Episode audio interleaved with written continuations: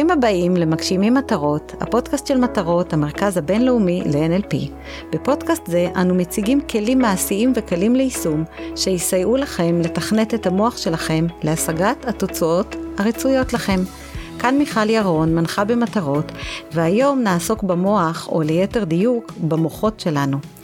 אם הייתי שואלת אתכם כמה מוחות יש לכם, סביר להניח שרובכם הייתם עונים שאחד. ואם הייתי מבקשת מכם להצביע על המיקום שלו, אני מנחשת שהייתם מצביעים לעבר הראש. ואתם צודקים כמובן שהרי בראש נמצא המוח, אותו מוח גדול וחשוב שאחראי על הרבה מאוד אה, תפקודים מחיינו. אך מסתבר שזהו לא המוח היחיד בגופנו, ושיש לנו מרכזי מוח נוספים, שלהם תפקודים חיוניים. אחד המפתחות החשובים לחיים טובים, מספקים, מאוזנים ואפקטיביים, זו היכולת לעשות שימוש בכל אחד מהמוחות האלה באופן תואם, לשלב ולסנכרן ביניהם בצורה מיטבית. איך עושים את זה, ומה הם בכלל המוחות האלה? בדיוק לשם כך נמצאת עימי כאן שוב רונית גולדברג, מורתי האהובה, מייסדת ומנהלת אקדמית של מכללת מטרות, עובדת סוציאלית קלינית ופסיכותרפיסטית, בעלת 40 שנות ניסיון בטיפול, אימון והנחיה. או-הו. היי רונית. היי מיכל, תודה שאת אה, מארחת אותי שוב. כן, כבר הפסקנו לספור. אה, והאמת שאנחנו ככה התוודענו לנושא הזה כשאת הבאת לארץ את אה, סמינר mBIT שעוסק באינטגרציה של מוחות מרובים, סמינר שמעבירה רייב ויל המדהימה, ושתינו השתתפנו בו פעמיים. נכון. ולא סתם, פעמיים, כן, פעם אחר פעם. ומאחר וממש בקרוב היא מגיעה שוב לארץ ללמד את הסמינר שוב במרכז מטרות, זאת הזדמנות טובה לדבר על זה, על הנושא הזה, ולשתף את המאזינים שלנו בחלק מהידע, התובנות והכלים שזכינו לקבל מהסמינר הזה. אז אה, חשבתי ככה שנתחיל מהשאלה, מה זה בעצם מוח? ככה כי, כי באמת אנשים אומרים מה יש יותר ממוח אחד ומחקרים ככה ש, שנעשו כן. ב, בעיקר בעשור האחרון מחקרים מתחום המוח מראים שיש לנו יותר ממקום אחד במוח שיכול להיחשב מוח שעומד בקריטריונים אז ככה בכלל בואי נגיד ממש בגדול בלי להיכנס יותר מדי לעניינים אה, של נוירולוגיה מה זה בגדול מוח. לפי גישת האמביט, אה, שבאמת מתבססת, כפי שאמרת, על מחקרים אה, עדכניים אה, בתחום המוח, למעשה התגלה שגם הלב וגם הבטן, או יותר, ליתר דיוק המעיים, עונים על קריטריונים של מוח מבחינה נוירולוגית, הכוונה. זאת אומרת, זה אה, איברים שיש להם רשתות נוירולוגיות, אה, עם קשרים נוירולוגיים של, אני לא זוכרת לומר כרגע כן. לגבי הלב, הבטן והמוח הראש, אבל הם עונים על קריטריונים של מוח מבחינה נוירולוגית. פסיכולוגית, גם מבחינת זה, או גם מבחינת זה שמפרישים הורמונים מסוימים, זאת אומרת כן. קריטריונים מדעיים של מה נחשב מוח, והסיבה שקוראים לזה multiple brain integration, זאת אומרת ריבוי מוחות ולא שלושת המוחות, זה כי ההנחה היא שעם מחקר נוסף, אה, כנראה שהתגלו מוחות נוספים. גם איברים אחרים אה, יכולים אה, להתגלות כמוחות. בגדול זה אינטליגנציות שונות, זאת אומרת החשיבות של הגילויים האלה זה שלכל מוח כזה יש איזה שהם תפקודים משלו שצריכים להיות מותאמים למשימות שעומדות על הפרק ולפעמים אנחנו מסתבכים כי אנחנו משתמשים במוח הלא נכון או באינטליגנציה הלא נכונה לצורך העניין. אז בואי נתחיל באמת קודם כל ממה שמוכר לכולנו זה המוח של הראש. Mm-hmm. בעצם מה הוא, הוא קודם כל הוא המוח הכי גדול והכי ככה גם מוכר מה אה, אם ככה רוצים מבחינת אה, אה, נתונים אז מדובר שם על אה, עשרות מיליארדים של נוירונים שיש באמת נכון. עם הקשרים ביניהם וככה מה בעצם התפקיד שלו בחיים שלנו. זאת אומרת רוב האנשים יחשבו שהוא עושה הכל אבל אנחנו כבר מבינים שיש איזושהי חלוקת עבודה בגוף. אה, אני חושבת שאנחנו בעיקר סומכים עליו רובנו, כן. אבל uh, באותם מצבים שהרבה פעמים אנשים, זאת אומרת רוב האנשים מכירים את הקונפליקט הזה שאנחנו אומרים בין שכל לרגש, או בין מה שאומר לי הראש לבין מה שאומרת לי הבטן, אז, אז כאן בעצם מדובר על מוחות אחרים שאנחנו לא מחשיבים אותם, לא נחשבים בעינינו. מה שחשוב זה מה אומר לי הראש, כאילו זה מושכל, זה מבוסס, אה, אנחנו מאוד סומכים על האינטליגנציה של השכל. אה, וזה, וזה בסדר שאנחנו סומכים עליה, רק שזה לא מתאים לכל מיני uh, סיטואציות שבהם אנחנו נדרשים לערב כן רגש וכן אינטואיציה ולאו דווקא נת, אנל, אה, נתונים שאנחנו יכולים לעשות להם ניתוח, אנליזות ולהגיע למסקנות מאוד uh, ממוקדות ומובנות. Uh, אני חושבת שבכלל, אם אני אקח את זה ככה יותר, ל, ל, אני אעשה מזה הכללה, אז, אז הרבה אנשים אה, אה, לא סומכים מספיק על האינטואיציה, כי האינטואיציה נדמת בעיניהם כמשהו לא מבוסס. למרות שהאינטואיציה היא הרבה יותר עשירה במידע, כי למעשה מה זה האינטואיציה? מבוססת על ניסיון אה, מצטבר. אה, אז לא יודעת, אה, האם המוח של הראש הוא המוח הקובע? תלוי במה. תלוי במה, כן. ובאמת הגישה הזאת פותחת אותנו לעוד, אה, לעוד אופציות לתהליך קבלת החלטות לדוגמה. אני פגשתי, לראשונה נחשפתי לזה, אני לא זוכרת כבר באיזה שנה זה היה, באחד הכנסים הבינלאומיים ל-NLP בלונדון, שמי שהציג את הגישה הזאת זה אה, מרווין אוקה שהוא למעשה אחד ממפתחי הגישה. ואז זה כאילו נפתח בפניי עולם שלם, אני מעולם לא חשבתי על זה בצורה כזאת. ופתאום זה, זה כל כך עשה לי שכל, אפרופו שכל, כן. זה כל כך נשמע לי הגיוני, והתחלתי להבין המון דברים, גם ביני לבין עצמי, אבל גם ביני לבין אה, בעבודה שלי עם לקוחות שלי, עם מטופלים שלי, אה, המקומות האלה שתקועים ולא לגמרי מצליחים ולא תמיד ברור למה, פתאום נשמע לי כל כך הגיוני ואז אני אמרתי אני, אני חייבת להבין את זה יותר לעומק, אני חייבת ללמוד את זה יותר לעומק. והייתה לי באמת אה, המון מוטיבציה נוצרה ללמוד את הנושא הזה והגשמתי את זה כשבאמת הבאנו את רב לארץ. אה, אגב מבחינתי זה אחד הסמינרים הכי הכי משמעותיים שעשיתי בחיים. מאוד, אני, אני חושבת שעד היום, זאת אומרת, מאז, ו, ואני אומרת שזה כאילו לא מסתיים, אחרי, יש סמינרים שאת לומדת וכאילו אחר כך זה מתפוגג. זה אחד הסמינרים שהשאירו בי חותם, כי עד היום אני מוצאת את עצמי המון פעמים במצבים של uh, התלבטויות או של תקיעות או שצריך לקבל החלטה ולא תמיד ככה ברור לי מה נכון לעשות. Uh, באמת חושבת על מה אומר לי הראש ומה אומר לי הלב ומה אומרת לי הבטן. ו- ומגיעה לתובנות שלא הייתי מגיעה בלעדי זה. אז מבחינתי uh, הגישה הזאת היא, יש לה תרומה אדירה לאיכות חיי ולאיכות, אנחנו גם מלמדים את זה בקורסים, אז כן. אני חושבת שגם... אני, אה, אז עוד מעט אנחנו ככה נגיע באמת למה אפשר לעשות עם זה, אבל לפני זה לטובת מי שככה פחות בעניינים, אז, אז אנחנו מדברים על זה שיש יותר ממוח אחד, והמוח של הראש זה מה שרובנו מכירים, וזה אותו חלק חושב של ה...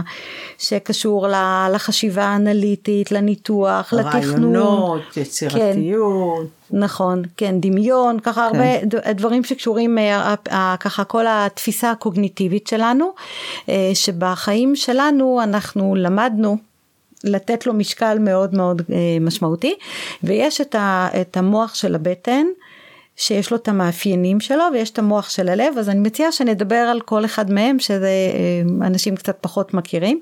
המוח של הבטן שהוא יותר קטן אבל הוא עדיין מאוד מאוד חשוב ממה שאני ככה זוכרת, יש, אה, אה, הוא בעצם המוח הראשון שמתפתח עוד בעובר, והוא אה, הוא גם, הוא, הוא, הוא גם ככה, הוא לא קטן, יש שם הרבה מאוד פעילות נוירונית, ויש שם למשל נוירוטרנסמיטרים, אולי לא כולם יודעים, אבל רוב הסרוטונין ורוב הדופמין מיוצרים בכלל במוח של הבטן, באזור של הבטן. אז, אז ככה, אם אנחנו מתארים מה זה בעצם המוח של הבטן, אז אה, ככה אם את רוצה לתת לנו... למעשה המוח של הבטן כן. זה כל מערכת העיכול. כן, הוא מתחיל כבר בשפת, הם אומרים מהכניסה נכון, ועד היציאה, עד נכון, הקצה, כן. נכון. כן. אה, אז, אז, אז כמו שהזכרתי קודם, בעצם אנחנו מדברים על אינטואיציות. אה, כשאנחנו מתרגשים, כשאנחנו חוששים ממשהו, איפה אנחנו מרגישים את זה? בבטן. כן, כן. ישר אנחנו, הבטן שלי מתהפכת, יש לי פרפרים בבטן, אלה ביטויים שאנחנו משתמשים בהם, כי באמת אנחנו, אנחנו מרגישים את זה שם, והרבה פעמים במצבים של לחץ, אז יש באמת כל מיני סימפטומים של מערכת העיכול. אה, אז אה, כן, אז הבטן, אה, המוח של הבטן, אגב צריך לדבר על מה שמדברים באמביט זה על הפונקציות המיטביות של כל מוח. כן. אז אם מוח הראש אמרנו יצירתיות, אז הבטן, הפונקציה המיטבית שלה זה האומץ. והמוח של הבטן זה המוח שגורם לנו לפעול. שהוא מחבר אותנו למוטיבציה ליזום, לעשות, לפעול. כן, זה הדוינג הזה. בדיוק, כן. בדיוק. היאללה הזה עושים. ובגלל זה זה כל כך חשוב כן. באמת להשתמש ב... אה, נמצאים באינטגרציה אחד עם השני, כי יכולים, יכולים להיות לי רעיונות מדהימים, אני רק לא פועלת כן. לעשות איתם כלום, אז זה כן. יישאר בגדר... אה, זה יישאר בראש, אבל עם, הבט... עם החלק הזה של העשייה, כן. של ההנאה לפעולה, לא כן. לא יצטרף. וכמובן יש כן. את הלב, והלב כן. הלב הוא לב העניין. אה, הלב הוא זה שבאמת גם אה, מחבר בין המוחות האלה, והלב, אה, כמו שאנחנו ישר, ככה כל אחד מאיתנו, אסוציאציה זה רגש, אז באמת הלב הוא הערכים שלנו, הלב הוא הרגשות שלנו, הלב, הפונקציה המיטבית של הלב זה חמלה. חמלה ואהבה. חמלה, כן. אהבה, ו... תקשורת, מערכות יחסים עם אנשים נכון, אחרים, נכון, כן, נכון. כן. ואז באמת אה, אם אנחנו מדברים על רעיונות ועל הביצוע שלהם בלי הרגש שמתלווה לזה, כן. אה, בלי אה, אפילו, אני מדברת על חמלה, גם כלפי עצמי, גם כלפי האחרים. לפעמים אנשים עם כזאת ביקורת עצמית לגבי דברים שלא מסתדרים ולא מתקיימים כמו שהם ציפו. אז, אז באמת, כשהלב אה, מעורב בזה, אז אני חושבת שכל ההתנהלות היא אחרת, כן. וכמובן כלפי הזולת, כי זה, זה, זה, זה כאילו, נגיד שאני מזהה משהו שנראה אה, לי לא תקין. אה, אני זוכרת אפילו את הדוגמה הזאת ששמעתי, אני לא זוכרת איפה, אבל שאני הולכת ברחוב ואני רואה מישהו שמקבץ נדבות. וזה ישר מעורר בי חמלה, ואני ככה מצקצקת בלשון, ואומרת איזה מסכן, ואני ממשיכה הלאה. אז למעשה הלב שלי חמל, אבל לא עשיתי עם זה שום דבר. אה, יכול להיות שאני יכולה לתת לו את כמה פרוטות, אבל גם יכול להיות שאני יכולה ליזום משהו כדי שהוא לא יושב שם ויאלץ לקבץ נדבות.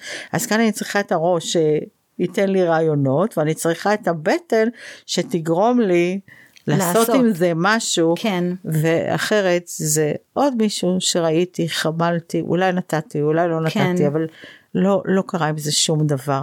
אז זו דוגמה נורא קטנה, אבל אני חושבת שהיא נורא ממחישה, אליי היא מאוד דיברה. והלב שזה איזשהו מקום ש... שהוא אחראי לאהבה, לחמלה, אה, לערכים שלנו, למה שחשוב לנו. ושהאנרגיה אה, שלו כן, היא הרבה כן. יותר חזקה מהאנרגיה של אה, מוח הראש. כן, שזה אבל מדהים. הוא, הוא קטן והוא...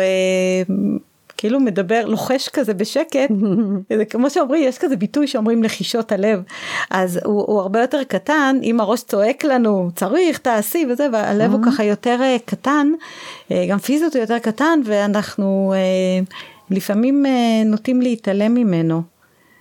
כן, נכון. נכון, אני חושבת שבכלל, ברגע שמבינים את כל ה... את המשמעות של המוחות, אז אנחנו מגלים שהרבה פעמים אנחנו אפילו, לא רק שמתעלמים, אנחנו משתמשים במוח הלא נכון לטובת העניין כן. שאנחנו רוצים להוציא למשל, לפועל. למשל.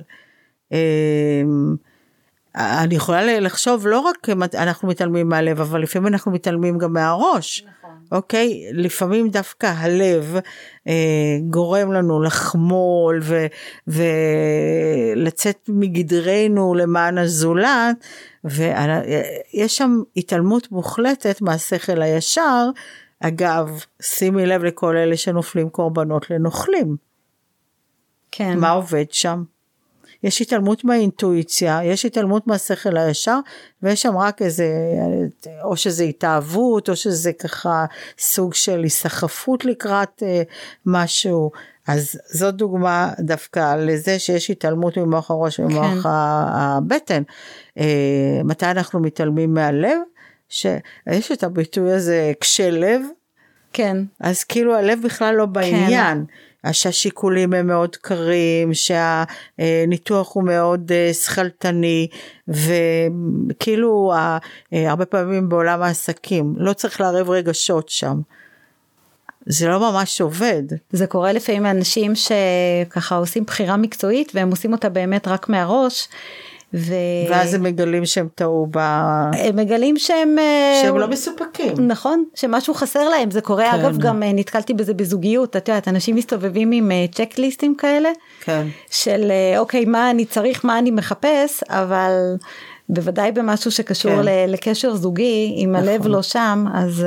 נכון, אז נכון. זה לא, י... לא באמת יעבוד. כן. זה, זה מזכיר לי שהייתה תקופה שלימדתי אה, בהסבת אקדמאים לסיעוד, ואחת השאלות ששאלתי אותם, זה קודם כל מה הם עשו קודם ומה גרם להם אה, להחליט שהם רוצים את זה. אז, אז, אז רובם אמרו שהם תמיד הרגישו שהם רוצים את זה, אבל אמרו להם שזה מקצוע מאוד תובעני, ולא, וההורים שלהם למעשה כן. כיוונו אותם, תבחרו משהו אחר.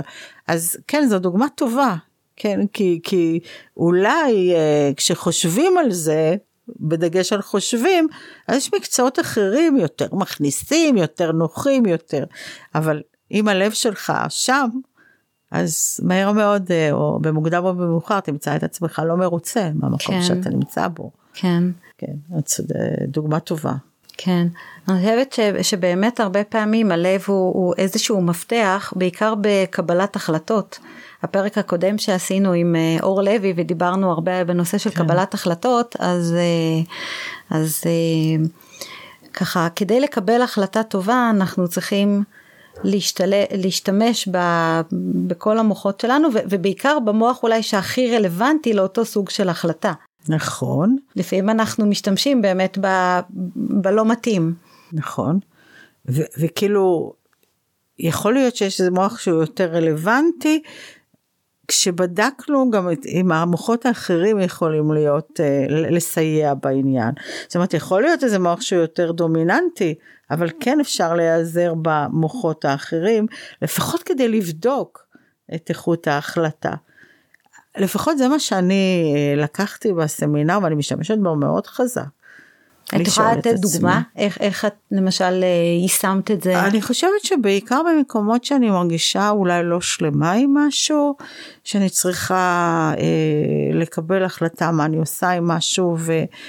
מה שבדרך כלל זה מה שהשכל אומר לי ואני מרגישה אני יותר אני קשובה ל, ל, לתחושות שלי אה, ואז הבטן אולי מתחילה לדבר ומשהו אני מרגישה לא תקין אני גם לא יודעת לשים על זה את האצבע אבל מה שלמדתי לעשות זה באמת לשאול את עצמי איך הלב שלי מרגיש עם זה ואיך הבטן שלי.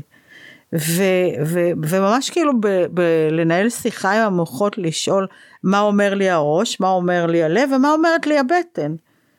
ומגיעות אליי תובנות מתוך השאלות האלה שאם לא הייתי שואלת אותם מן הסתם הם היו נשארות שם סמויות וחבויות ו, ו, וזה עושה לי איזה, איזה סוג של התבהרות אה, שמאוד עוזרת לי לקבל את ההחלטה הנכונה עבורי.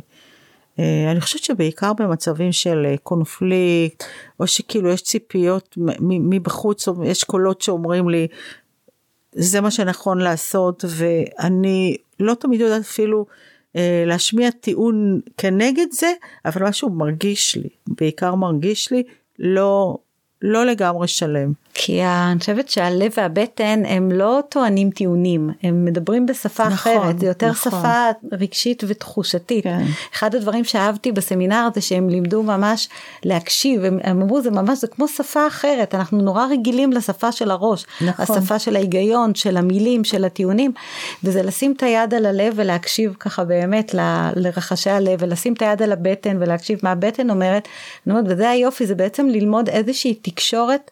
אה, נוספת עם עצמנו. ל, ל... נכון, תמיד הם אומרים, אה, חשוב להקשיב לעצמנו, כן. שצריכה להיות הקשבה פנימה. אה, ואנחנו יודעים את זה, אבל כמה אנחנו עושים את זה, מי יותר מי פחות, אנשים עם יותר מודעות הם יותר קשובים, אבל זה כאילו נותן את, ה, את הפרקטיקה של זה. כן. זה, איך מקשיבים לעצמנו. נכון, כן. זה מה שאני מרגישה שזה עשה לי. עבורי. יש אה, אגב תרגיל שהם אה, עשו לנו בסמינר ואני רוצה להציע ככה גם למאזינים שלנו להשתמש בו. אה, ככה אני מזמינה אתכם ככה לחשוב על איזושהי החלטה מוצלחת שקיבלתם. החלטה שהייתה, היו מעורבים בה ככה מספר גורמים שהייתם צריכים לקחת אותם בחשבון ו, ותחשבו באיזה מהמוחות השתמשתם כדי להגיע להחלטה הסופית. ההחלטה המוצלחת הזאת. זאת אומרת, אתם מוזמנים או לעצור עכשיו או אחר כך אה, ככה עם עצמכם לחשוב באמת איזה אה, מוחות היו מעורבים בהחלטה הזאת שהתבררה כמוצלחת ואתם אה, מרוצים ממנה. ואחר כך תחשבו על החלטה אחרת שקיבלתם שלא הייתה מוצלחת, שבסופו של דבר התבררה כמוטעית. ותבדקו איזה מוחות היו מעורבים בהחלטה הזאת, לאיזה מוח הקשבתם ולאיזה מוח לא הקשבתם.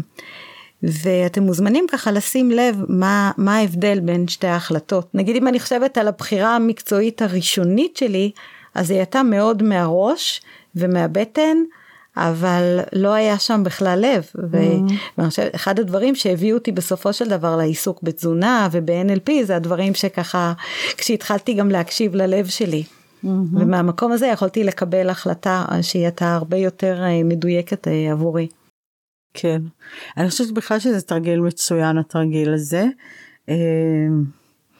אה, מעניין עכשיו שאת מדברת על הבחירה המקצועית שלך, אני חושבת על זה שאני הלכתי ללמוד עבודה סוציאלית דווקא כן מתוך הלב, ואני זוכרת שההורים שלי אמרו לי שזה למה את בוחרת במקצוע כזה זה גם שכר מאוד uh, נמוך וגם זה מאוד תובעני וגם זה כאילו רגשית מאוד uh, קשה להתמודד עם זה. ו... וכנראה שכן הייתי מאוד קשובה ללב שלי עכשיו שאת מזכירה את זה אני חושבת על זה כן. כי כי אה, אם הייתי מסתמכת על גם על הדברים שאומרים לי וגם מה אומר לי השכל אז זה באמת לא הייתה הדרך הנכונה, אבל מאז ועד היום אני שם ואני רק כן. נהנית מ... אז אני לא בדיוק היום עובדת, עובדת כעובדת סוציאלית, אבל זה עדיין אותו מסלול כן. ואותה מוטיבציה. ואני אומרת, איזה, מעניין. איזה מזל שהקשבת ללב. נכון. כן. אה, תודה. כן. לפעמים, אבל זה הפוך, למשל אני מכירה את זה יותר מההקשר של האכילה. שהרבה פעמים בהקשר של האכילה אנשים מקבלים יותר uh, החלטות uh, אימפולסיביות שהן באות יותר מהבטן. אם אמרנו שהמוח של... יש אכילה רגשית. כן, אבל, אבל אם, אם אמרנו שככה המוח של הבטן הוא מתחיל מ, מהפה, מהשפתיים. ממש דרך כל מערכת העיכול, אז הרבה פעמים זה מגיע ככה באמת מאיזה, בא לי איזה חשק, בא לי uh, טעם טעים בפה, הרבה פעמים אנשים מתארים כבר איך הם מדמיינים את הטעם בפה ומפרישים את הרוק. ואז מתקבלות החלטות מאוד אימפולסיביות. אבל שלא לוקחות בחשבון את ה... באמת את החלקים היותר אה, תבוניים, המתכננים, mm-hmm. של ההשלכות שיהיו לזה אחר כך, רק אחר כך הראש נכנס, השכל נכנס לפעולה ואנשים אומרים מה עשיתי, למה הייתי צריך את זה. Okay. כן. או ש... שלא לוקח בחשבון גם את, ה... את מה שחשוב לי. זאת אומרת שזה החלק של הלב, של... את הערכים נכון, שלי, נכון. באמת הדברים האלה שמאוד uh, חשובים לי ואז הרבה פעמים באכילה שהיא אה, יותר מדי אימפולסיבית, אז המוח של הבטן הוא דווקא זה שנותן את הטון. ו- וצריך להקשיב גם יותר uh, לראש, כן. נכון, נכון. זה דוגמאות טובות, כאילו, איפה התשוקה באמת uh, מניעה אותך ובזכותה אתה, אתה עושה את ההחלטות הנכונות, לעומת uh, דברים שמובילים אותך לפחות אפקטיביים. כן. בהתנהלות. אני חושבת שזו דוגמה מצוינת. אני חושבת שעוד משהו שנורא קסם לי אה, בגישה הזאת, זה שהיא מתבססת אמנם על מחקרי מוח עדכניים, אבל יש לה אה, סימוכין בכל מיני תורות עתיקות יומין. ו, אה, ואפשר למצוא את זה ביהדות ואפשר למצוא את זה בתורות המזרח וכמעט בכל דבר אה, בכל התורות הקדומות וזה אומר שאיזשהו איזשהו ידע שעובר כנראה מדור לדור דרך כל שרשרת הדורות. Uh, היום יש לזה כבר סוג של uh, סימוכין מדעיים, אבל כנראה שידעו את זה עוד הרבה קודם, כן. וזה מקסים בעיניי. Uh, תמיד אנחנו חושבים שאנחנו ממציאים את הגלגל, אבל uh, כנראה כן. שלא. ומה שעוד אני אוהבת בגישה הזאת שהיא אה, מאוד פרקטית כאילו זה נשמע קצת רוחני כל הדברים האלה אבל היא מאוד יישומית והיא מאוד פרקטית וכמו שאת יודעת יש הרי תהליך מאוד מובנה לעשות גם את האינטגרציה בין המוחות.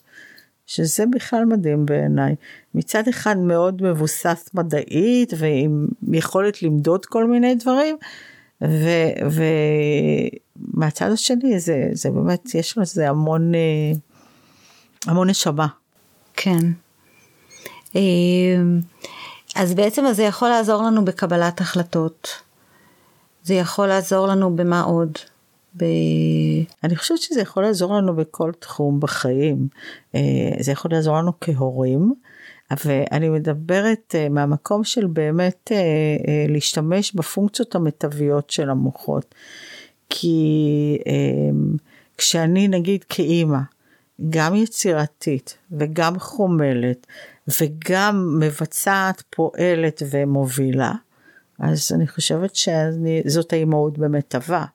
אה, יש איזשהו מאמר מאוד אה, מעניין שקראתי אה, שמבוסס על גישת שלושת המוחות בנושא של מנהיגות שמנהיג איכותי הוא מנהיג יצירתי חומל ומניע דברים.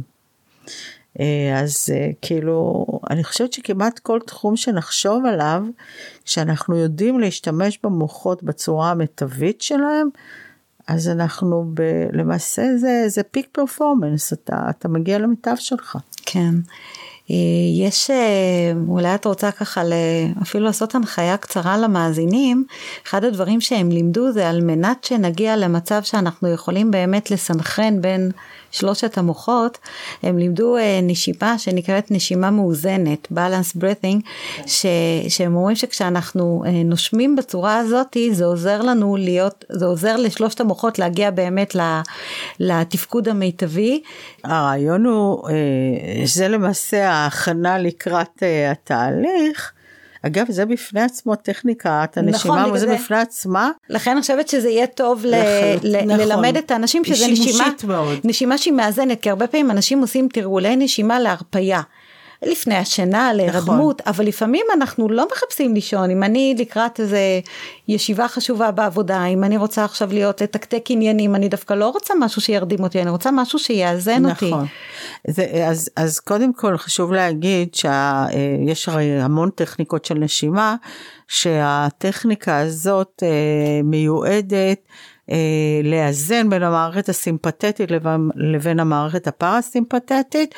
אה, כשבעצם המערכת הסימפתטית זה אדרנלין וגורמת לנו ככה לדריכות ולהיות בהיפר, והמערכת הסימפתטית זה... הפרסימפתטית, הפס... כן. הפרסימפתטית, אה, הפרסימפתטית, להיות ברוגע, להיות בפסיביות יותר, להיות קצת יותר נקרא לזה ישנונים ואני אומרת שהיא שימושית בפני עצמה כי לי קורה שפתאום אני מרגישה נגיד לאורך יום העבודה איזושהי נפילת מתח אני ממש מרגישה שאני בא לי להירדם ואז אני אומרת זה זמן כן. לנשימה אה, מאזנת מאוזנת בלנס בריטינג. ואני פשוט עושה שתי דקות של הנשימה הזאת, ואז פתאום אני מרגישה שחזרתי אה, לתפקוד אה, יותר, אה, אה, נקרא לזה אנרגטי. כן. לעומת זאת, אה, באמת במצבים שאנשים מרגישים אולי חר, חרדה או בהיפר כזה, אה, דריכות יתר, אז שם הנשימה המאזנת מביאה אותם למצב של, אה, כן. אה, איך אני קוראת לזה, פוקוס רגוע. מהמם. ככה אתה כן. גם מאוד אה, מפוקס אבל אתה גם רגוע ואני מלמדת את זה גם כן אה, אנשים שבטריינר אנשים שעומדים מול קהל אני חושבת שזה אחד הכלים המדהימים שיכולים לסייע אה, ואיך זה מתבצע זה מתבצע על ידי שאיפות ונשיפות באותו קצב באותו אורך אה, כש... זה יכול להיות בקצב 4 או בקצב 6 או בקצב 8 מי שמסוגל, אבל העיקרון הוא באמת להקפיד על אה, שאיפות ונשיפות באותו קצב, בלי להחזיק את האוויר בפנים, זאת אומרת זה צריך להיות בזרימה. אז אה, כן, המאזינים מוזמנים להתנסות כן, בזה. אז אני אשמח ש... שממש תעשי איזושהי הנחיה ככה. מה, לספור את אה, ואת... כן, ביחד נעשה נשימה. ואני רק, אה, אני ככה, כמובן אתם מוזמנים לתרגל את זה איתנו תוך כדי. בואי נגיד שמי שמקשיב תוך כדי נהיגה, אז אולי זה פחות מתאים בזמן הנהיגה, אז, אז בהזדמנות אחרת. הדעת, כן, כן, כן. אבל בכל סיטואציה אחרת זה יכול להיות מאוד מתאים. כן, יחסית זה באמת, זה, זה די פשוט, זה לא טכניקה שמאוד כן. מורכבת וקל להתאמן בה. אז אה, כן, אז בואו, מי שמתאים לו, רגע לשבת, לשכב, מה שנוח לכם. ובואו תתחילו לשים לב לנשימות שלכם, וניקח שאיפה.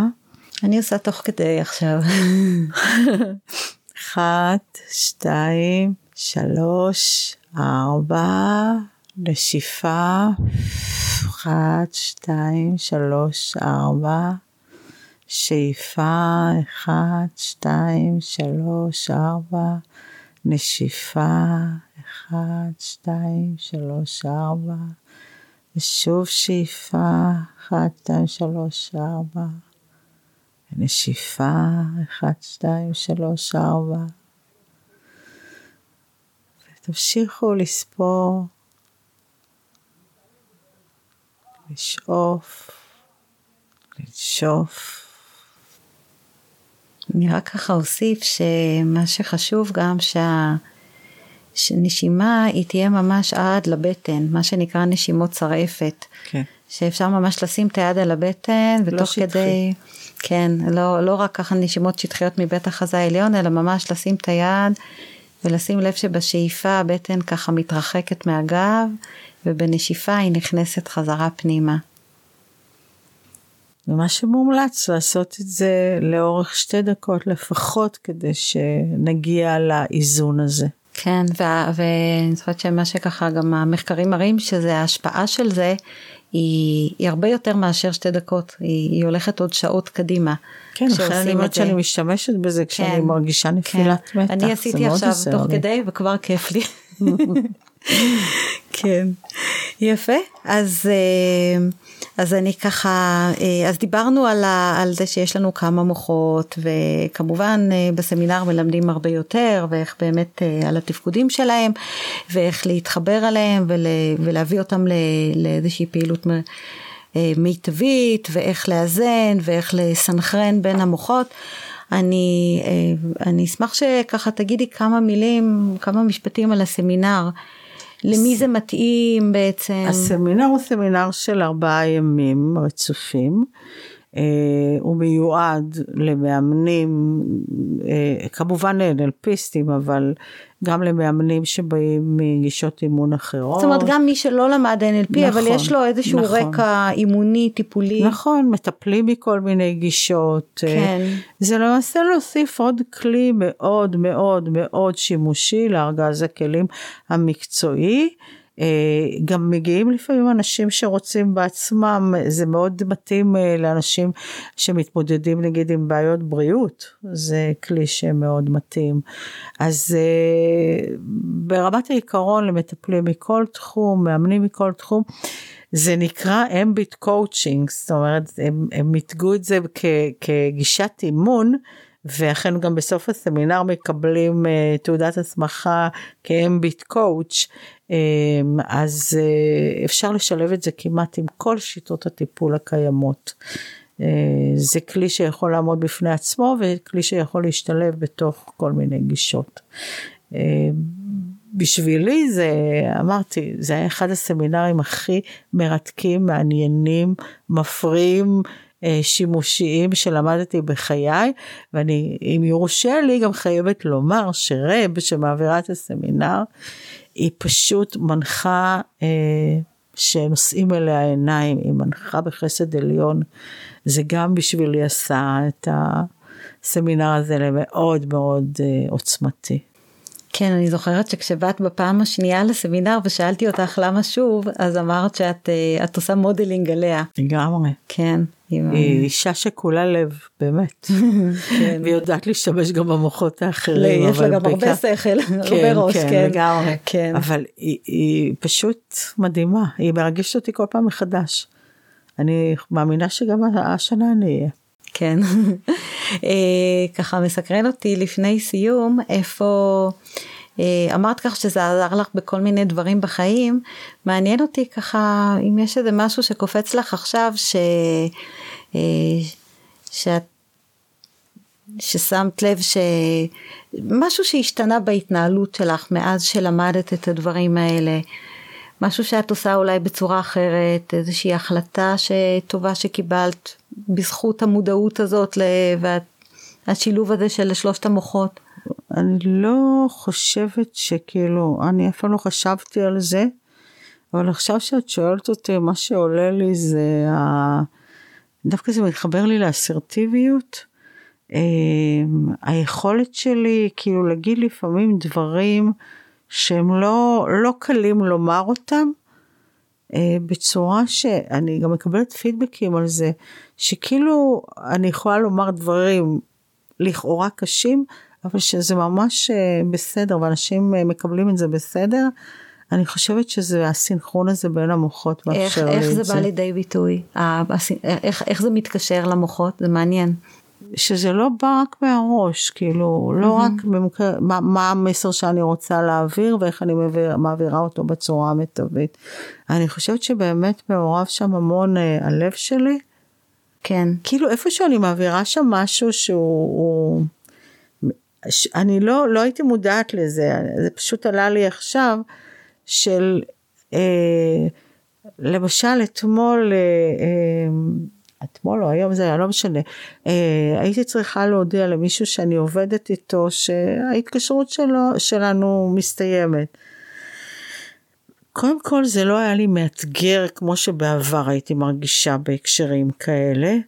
וגם הצורה שבה העברתי את המסר הייתי כל כך שלמה איתה, והוא קיבל את זה גם בצורה כל כך uh, חיובית, שיצאתי מסופקת מהשיחה הזאת, ו... ואני לא חושבת שזה קרה, קרה לי בעבר. היה קורה בעבר? לדעתי כן, כי היה פה עירוב של שלושת המוחות לגמרי. בעצם אני חושבת, דיברת להיות שלמה עם כן, זה, ואני חושבת כן. שהרבה פעמים אנשים מדברים על להיות שלם עם עצמי, לא שלם עם עצמי, ו- ובאמת כשכל שלושת המוחות מעורבים וכל אחד נותן את חלקו ו- ויש איזושהי הבנה משותפת, אולי זה בעצם המקום של הלהיות שלמים נכון. עם עצמנו. ואז גם במקומות שמאתגרים, לי היה קשה לומר דברים לא נעימים למישהו אחר. כן, אני מודה, כן. זה היה קושי שלי. עם כל כמה שאני נתפסת אסרטיבית ומרגישה אסרטיבית, הרבה פעמים זה היה מאמת אותי, זה לא היה פשוט לי, ואולי אחר כך הייתי ככה חושבת אולי פגעתי, אולי זה... זה לא, זה לא נמצא שם יותר, ו- ואני חושבת שזה באמת זה. מעניין.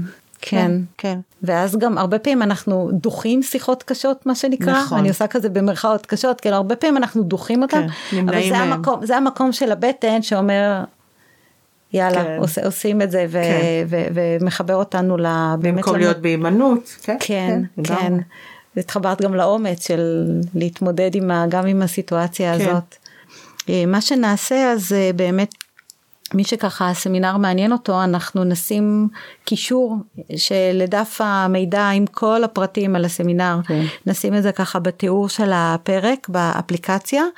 אה, עוד משהו שעולה לך, שחשוב לך להגיד לפני שאנחנו מסיימות? קודם כל תודה שנתת לי הזדמנות לדבר שוב על דברים שמאוד אני, שאני מאוד אוהבת.